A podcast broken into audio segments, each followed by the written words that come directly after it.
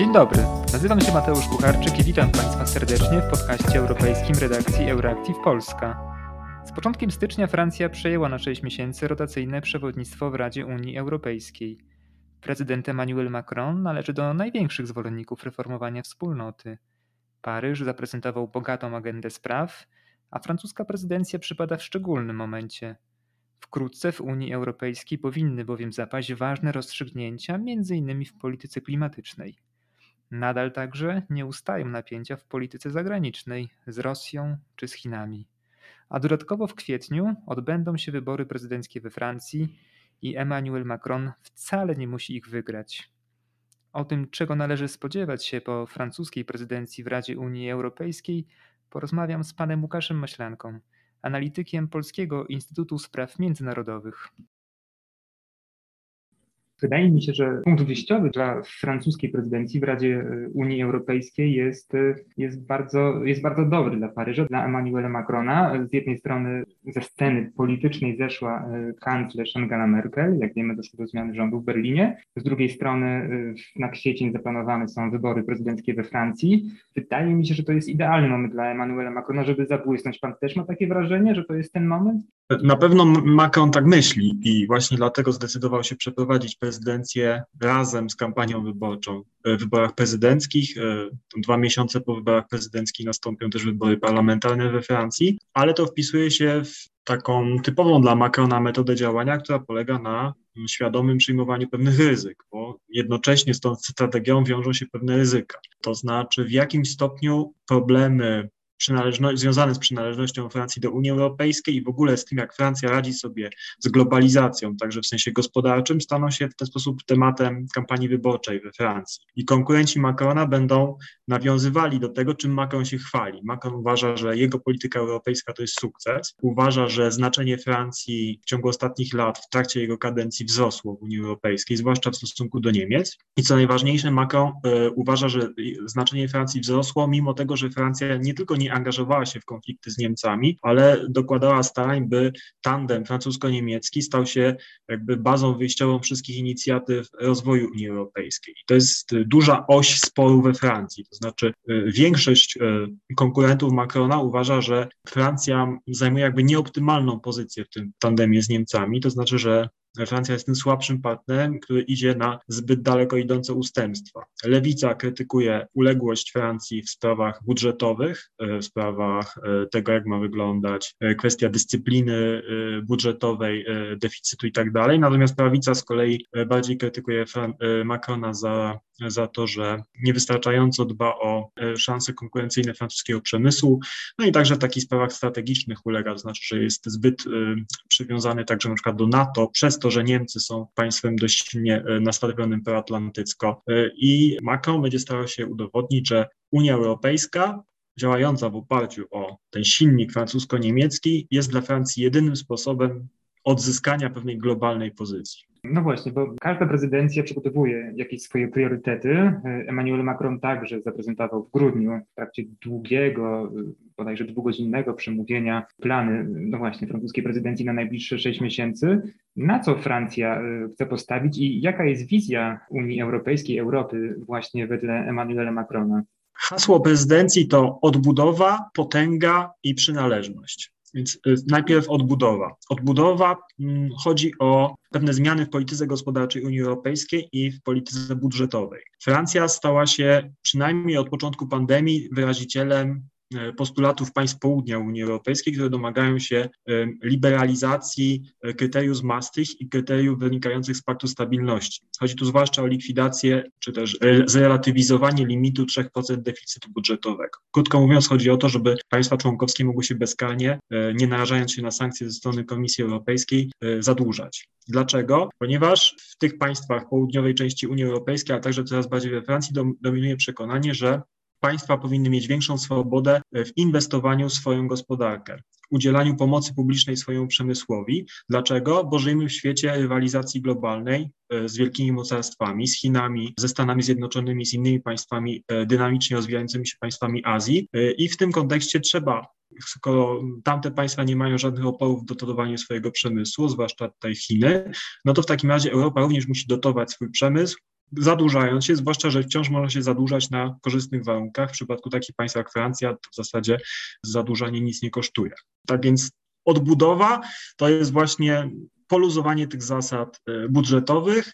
Macron proponuje, żeby doświadczenie wspólnego zadłużenia, które po raz pierwszy zostało wprowadzone w trakcie planu odbudowy, zostało powtórzone i żeby Europa zdobyła się na kolejny wielki plan inwestycyjny tym razem, e, również oparty o wspólne zadłużenie. Teraz potęga. Potęga to, to jest to wszystko, co w języku Unii Europejskiej nazywa się autonomią strategiczną, czyli chodzi o to, żeby Unia Europejska miała samodzielne zdolności oddziaływania na swoje otoczenie. Samodzielne, czyli w domyśle bez Stanów Zjednoczonych. No i w przypadku Francji znacznie mocniej niż w przypadku innych wszystkich państw Unii Europejskiej, to bez Stanów Zjednoczonych to jest klucz. E, to znaczy Francja spośród wszystkich państw członkowskich Unii Europejskiej jest chyba przynajmniej tych najważniejszych, jest najbardziej sceptycznie nastawiona do ścisłych związków ze Stanami Zjednoczonymi. Francja jest tym państwem, które najgorzej się czuje w NATO. E, to znaczy, z jednej strony nie wychodzi z NATO, ponieważ uważa, że jest to zbyt ważna organizacja, by jej tam mogło nie być, ale z drugiej strony uważa, że jest ona zbyt zdominowana przez Stany Zjednoczone. W związku z tym, kiedy Francja mówi autonomia strategiczna, to ma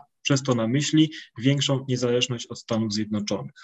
Chodzi też o uzyskanie przez Unię Europejską na przykład zdolności działania samodzielnego działania wojskowego w tych obszarach, które są dla Francji priorytetowe.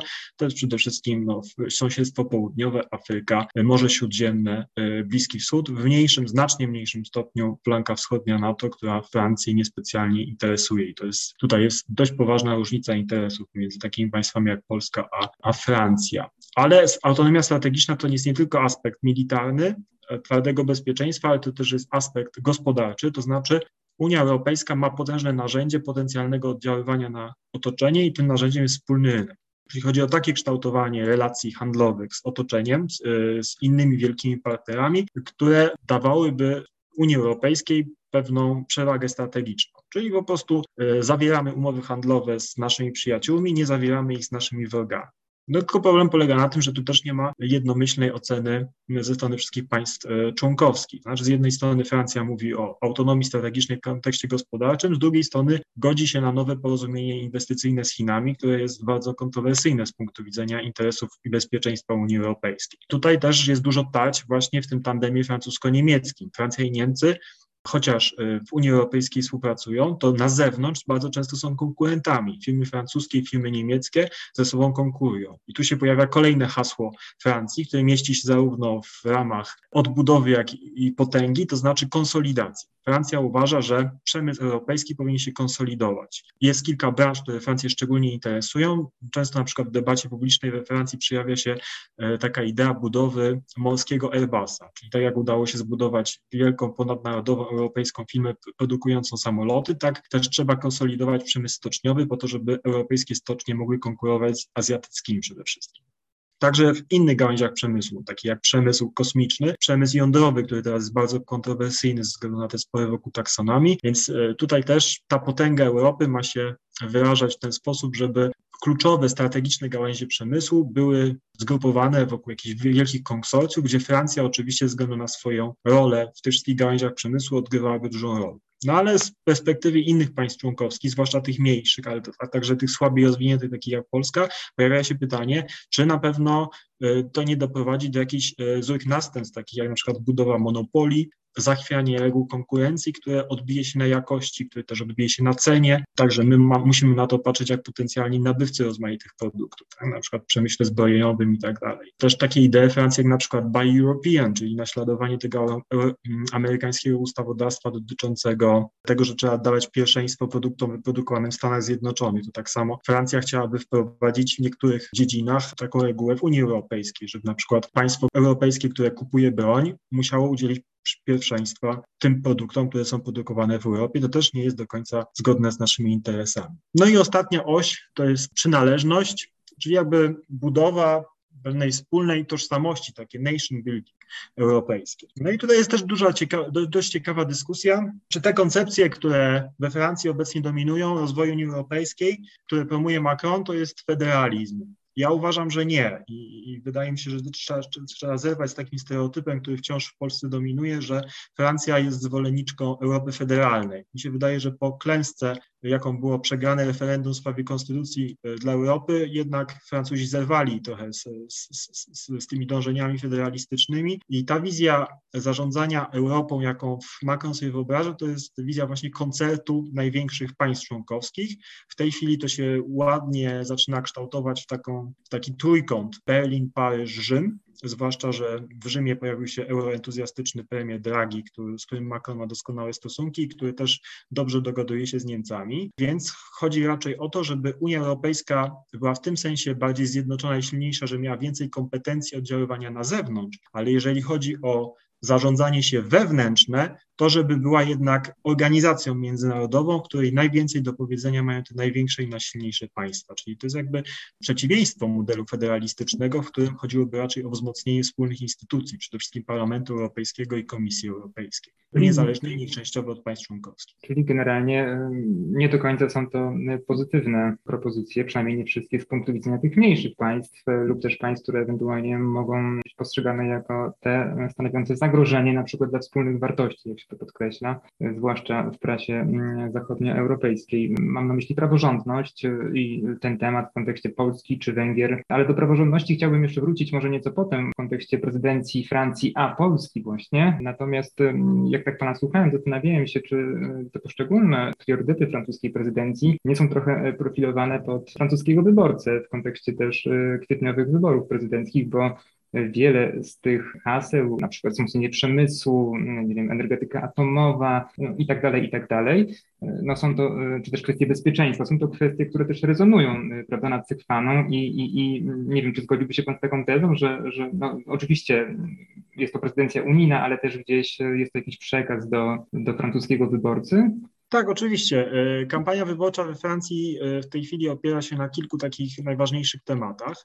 Pierwszy z nich to jest walka z pandemią, ale kiedy mówimy o walce z pandemią, to równocześnie mamy na myśli takie kwestie jak na przykład zależność od dostaw rozmaitych surowców, materiałów sanitarnych z zewnątrz. Czyli tu już wchodzą takie kwestie też bezpieczeństwa, też rozmaite kwestie związane z, z wolnością jednostki i tak dalej. Drugi temat, który Francuzów bardzo interesuje, to jest właśnie gospodarka i siła nabywcza, czyli to w jaki sposób nasze miejsce w Unii Europejskiej, to jak, e, jaką pozycję zajmujemy, jaką nasze firmy e, zajmują w konkurencji z innymi państwami Unii Europejskiej, odbija się na naszym życiu codziennym. Tutaj takim bardzo ważnym symbolem jest ogromny deficyt handlowy Francji, który się utrzymuje od wielu lat i który w tym roku sięgnął rekordowych 90 miliardów euro, co jest jakby dokładnym przeciwieństwem tego, jak radzą sobie Niemcy, które mają ogromną nadwyżkę handlową. No i to jest taki jakby stały punkt krytyki e, wszelkich władz Francji, że nic nie robi w tym celu, żeby to, to jakoś zrównoważyć. No i tu też taka dość manichejska dyskusja się wokół tego mm, toczy, no bo jednak Francja to jest bardzo bogate społeczeństwo, bardzo bogaty kraj, to naturalne, że taki kraj dużo importuje i to też ma wpływ na to, na ten deficyt handlowy, no ale z drugiej strony oczywiście pod wieloma względami przemysł francuski jest mniej konkurencyjny niż y, przemysł innych państw i to wynika z,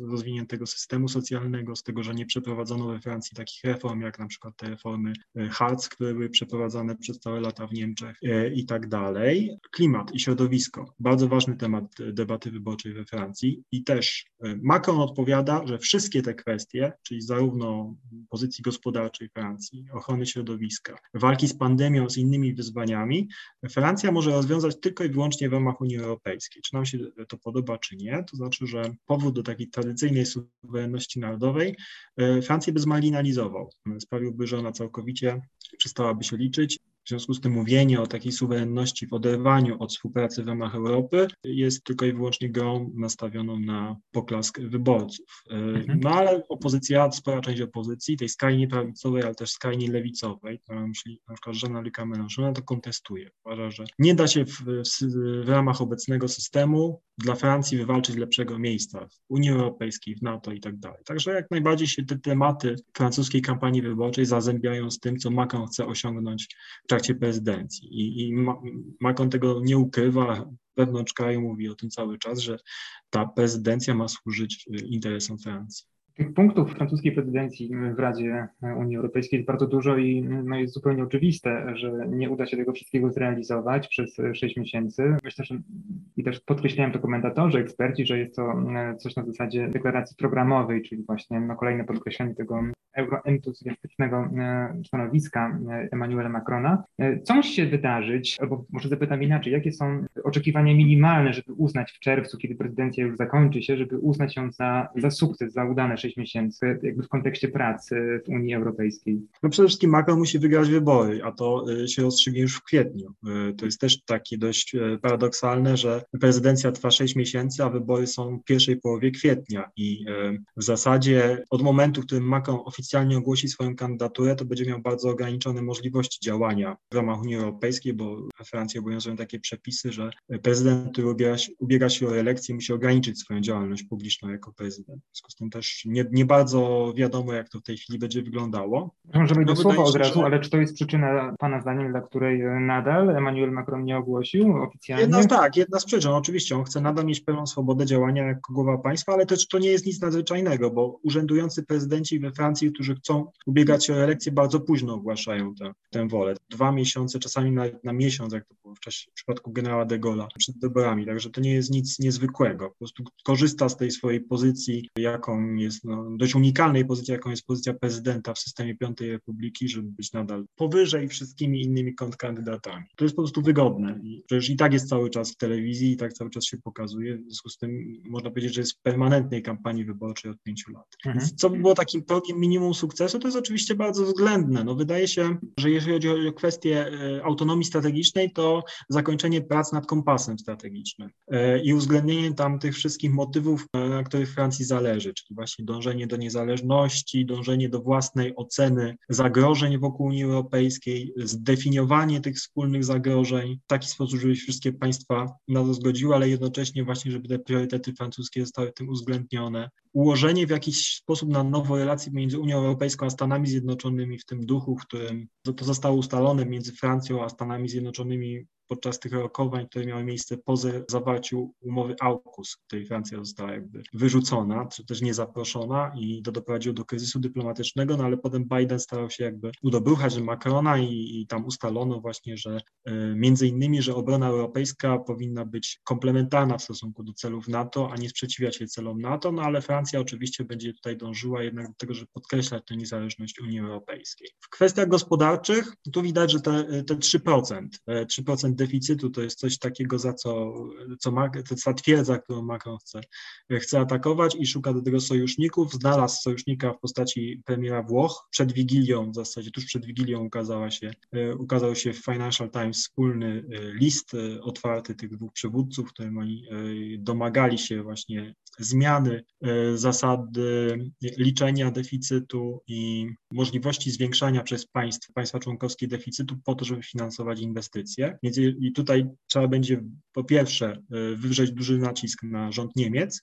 Sytuacja jest chyba trochę bardziej sprzyjająca niż w czasach Angeli Merkel, bo Olaf Scholz był właśnie tym ministrem, który przesądził o tym, że możliwe stało się wspólne zadłużenie przy planie odbudowy. On tam sprzyjał i przekonał do tego. Ale we Włoszech niedługo muszę dojść do zmiany e, premiera, jeżeli Mario Draghi zostanie prezydentem, jak się e, nieoficjalnie mówi, że mógłby e, ubiegać się o, o to stanowisko, a wówczas nie wiadomo, kto będzie kierował, biorąc się do Tak, no sytuacja we Włoszech to jest z reguły nieprzewidywalna i tak można być zaskoczony, znaczy, że już Draghi tak długo jest premierem i wszystkie partie, łącznie z partią Matteo Salviniego, tak potulnie się z tym godzą. Więc ja kilka miesięcy temu napisałem taką analizę stosunków francusko-włoskich i tam jest jedną, jednym z zastrzeżeń jest to, że Francja jakby przecenia stabilność włoskiej sceny politycznej. Tak wszyscy w Europie jakby nagle doszli do wniosku, że Draghi to jest na zawsze, nie zauważając, że w sondażach wciąż prowadzą dwie partie bardzo silnie eurosceptyczne. Także rzeczywiście to się może zmienić, ale akurat ten priorytet się nie zmieni, bo, mhm. bo chyba cała scena polityczna we Włoszech jest zgodna co do tego, a już szczególnie eurosceptycy że, że Włochy zostały skrzywdzone podczas tego kryzysu 2008 e, roku i że reforma tych zasad fiskalnych powinna nastąpić. Także tutaj myślę raczej akurat w tej sprawie Macron się dogada z każdym z rządem Włoch. Znacznie gorzej było na przykład w kwestiach migracji. No i to jest właśnie kolejna kwestia ważna Schengen. Reforma Schengen, gdyby udało się ustalić pewne jakieś symboliczne założenia tego, jak miałaby ta reforma wyglądać, to może to byłby sukces, tylko, że tutaj te postulaty, jakie Francja przedstawia, one są bardzo niejasne. Bo co to znaczy wzmocniony pilotaż polityczny strefy Schengen? Przecież ministrowie spraw wewnętrznych strefy Schengen się regularnie spotykają. To jest pilotaż polityczny. Czy przypadkiem Macron nie chce tutaj promować idei Europy różnych prędkości, że na przykład te państwa, które się zgadzają co do tego, jak powinna wyglądać strefa Schengen, będą się teraz y, spotykać bez innych ministrów i będą na przykład debatować nad tym, czy nie powinna powstać jakaś węższa strefa Schengen. No gdyby o to rzeczywiście chodziło o Francji, to, to na pewno to by się spodobało sporej części francuskich wyborców, ale to raczej nie ułatwiłoby Macronowi y, przeprowadzenia prezydencji. Ale reforma Schengen może być też y, ciekawym, oczywiście pod warunkiem, jeżeli zostanie przeprowadzona w kierunku, y, który będzie odpowiadał na przykład rządowi w Warszawie czy w Budapeszcie, no właśnie dla państw Europy Środkowej, które mają w tym swój interes, żeby, żeby wzmocnić na przykład kontrolę granic. Chciałem zapytać pana o prezydencję Polskę i o właśnie kwestię praworządności. Czy wydaje się panu, że tu Francja położy, czy też inaczej wzmocni tę, tę kwestię, czy, czy nie należy się spodziewać przyspieszenia w tej sprawie? Prezydencja zawsze dąży do tego, żeby mm, osiągnąć ten najmniejszy wspólny mianownik. I tutaj głos Polski, Węgier, wszystkich państw Unii Europejskiej jest potrzebny. W związku z tym Macron nie może przeprowadzić swojej prezydencji na polaryzacji wokół kwestii praworządności w Polsce i na Węgrzech. Chociaż y, na różnych etapach swojej prezydentury próbował stawiać się właśnie, zwłaszcza jeszcze wtedy, kiedy na przykład Trump był prezydentem, Macron stawał się w takiej roli lidera światowego liberalizmu, a już na pewno w Unii Europejskiej, czyli kogoś, kto właśnie przypomina o tych wartościach demokracji, liberalizmu, rządów prawa i tak dalej. Teraz sytuacja jest trochę inna z dwóch powodów. Po pierwsze dlatego, że w trakcie prezydencji Macron musi dogadywać się z każdym. E, po drugie dlatego, że Francja jest zainteresowana sprzedażą państwom Europy Środkowej różnych ciekawych rzeczy. Przede wszystkim chodzi na przykład o kontrakt atomowy, na elektrownie atomowe, nie tylko z Polską, ale także na przykład właśnie z Czechami, z Węgrami, z Rumunią. E, I tutaj Francja wielokrotnie pokazywała, że potrafi schować E, głęboko do szafy e, wszelkie wartości, e, do których jest przywiązana, jeżeli chodzi o robienie dobrych interesów. Pokazuje to na przykład wtedy, kiedy prowadzi interesy z Arabią Saudyjską, z Emiratami Arabskimi, z innymi państwami tamtego regionu, z Egiptem, który jest takim bardzo wiernym klientem francuskiego przemysłu zbrojeniowego. W związku z tym, jeżeli może prowadzić dobre interesy z państwami czysto autorytarnymi, to, to może je prowadzić także z państwami, które oskarża o łamanie praworządności, ale które jednak wciąż są państwami demokratycznymi. Także na przykład stosunki francusko-rosyjskie i tak dalej, i tak dalej. Także wydaje mi się, że y, Macron będzie zachował pragmatycznie, tylko będzie za każdym razem oceniał, czy na przykład zbyt duże ustępstwa w kierunku Warszawy i Budapesztu nie, nie zaszkodzą mu w sondażach. Tak? No, no, jednak trzon jego elektoratu to są nadal ludzie o poglądach liberalnych, przywiązani do wartości europejskiej, przywiązani do y, tej definicji rządów prawa, którą reprezentuje Komisja Europejska w sporze z, z Warszawą i z Budapesztem i tutaj też może dokonać jakiś bunt y, wewnątrz kraju na tym tle. I na pewno Macron będzie podkreślał, że popiera Komisję Europejską i jej dialogu z Warszawą i z Budapesztem, a kiedy na przykład dojdzie do jakiejś konfrontacji, czyli na przykład kiedy Komisja Europejska wystąpi o to, żeby oficjalnie zastosować ten mechanizm pieniądze za praworządność, no to trzeba, wtedy dojdzie do głosowania i zdecyduje większość kwalifikowana. Więc pytanie, jak się w takim wypadku Francja zachowa, powiem szczerze, jest to dla mnie tajemnicą, bo Macron będzie musiał zważyć te dwie wartości. Z jednej strony jego wizerunek jako przywódcy liberalnego, z drugiej strony wizerunek kogoś, kto musi godzić różne sprzeczne interesy w ramach prezydencji i kogoś, kto chce robić interesy także z państwami Europy Środkowej. Na koniec chciałbym przenieść się bezpośrednio do Francji i właśnie w kontekście wyborów, e, kwietniowych wyborów prezydenckich zapytać, czy, czy Macron ma z kim przegrać, bo w ostatnich tygodniach pojawiły się, e, zostały opublikowane różne sondaże. Ostatnie wskazują, że e, wiele zyskała kandydatka partii Republikanie, Valérie Pécresse. Czy mógłby Pan coś więcej na ten temat powiedzieć? Wydaje się, że dla Macrona łatwiejszy byłby ten pojedynek z kandydatem lub kandydatką skrajnej prawicy. Czyli gdyby do drugiej tury dostała się Marine Le Pen jak poprzednio, Eric Zemmour, e, ewentualnie, to wtedy y, Macron nie musiałby się tłumaczyć ze swoich rozmaitych błędów, z tego, co mógł zrobić lepiej, tylko może prowadzić ostry spór ideologiczny. I wydaje się, że ten nurt protestu wokół globalizacji we Francji, chociaż on jest liczny, to on jest zbyt podzielony. To znaczy trudno sobie wyobrazić, żeby wyborcy z skrajnej lewicy y, zagłosowali na kandydatkę czy kandydata skrajnej prawicy w drugiej turze, żeby zrobić na złość Macronowi być może jakaś mniejsza część by to zrobiła. Więc Macronowi najpewniej byłoby wciąż łatwo wygrać w drugiej turze y, z kandydatem, kandydatką skrajnej prawicy. Trudniejszą, trudniejszym kontrkandydatem, kontrkandydatką byłaby dla niego Valérie Pécresse, ze względu na to, że ona reprezentuje poglądy w wielu sprawach podobne, natomiast swoją kampanię jak do tej pory opiera na kontestowaniu efektywności działania Macrona. Czyli jakby zmusza Macrona do tego, żeby on się zmierzył swoimi własnymi błędami niedociągnięciami, ale czasami po prostu z rozmaitymi czynnikami obiektywnymi, które doprowadziły do tego, że nie mógł zrobić wszystkiego tak, jak, tak jak chciał. Ale też Pécresse ma pewne słabości.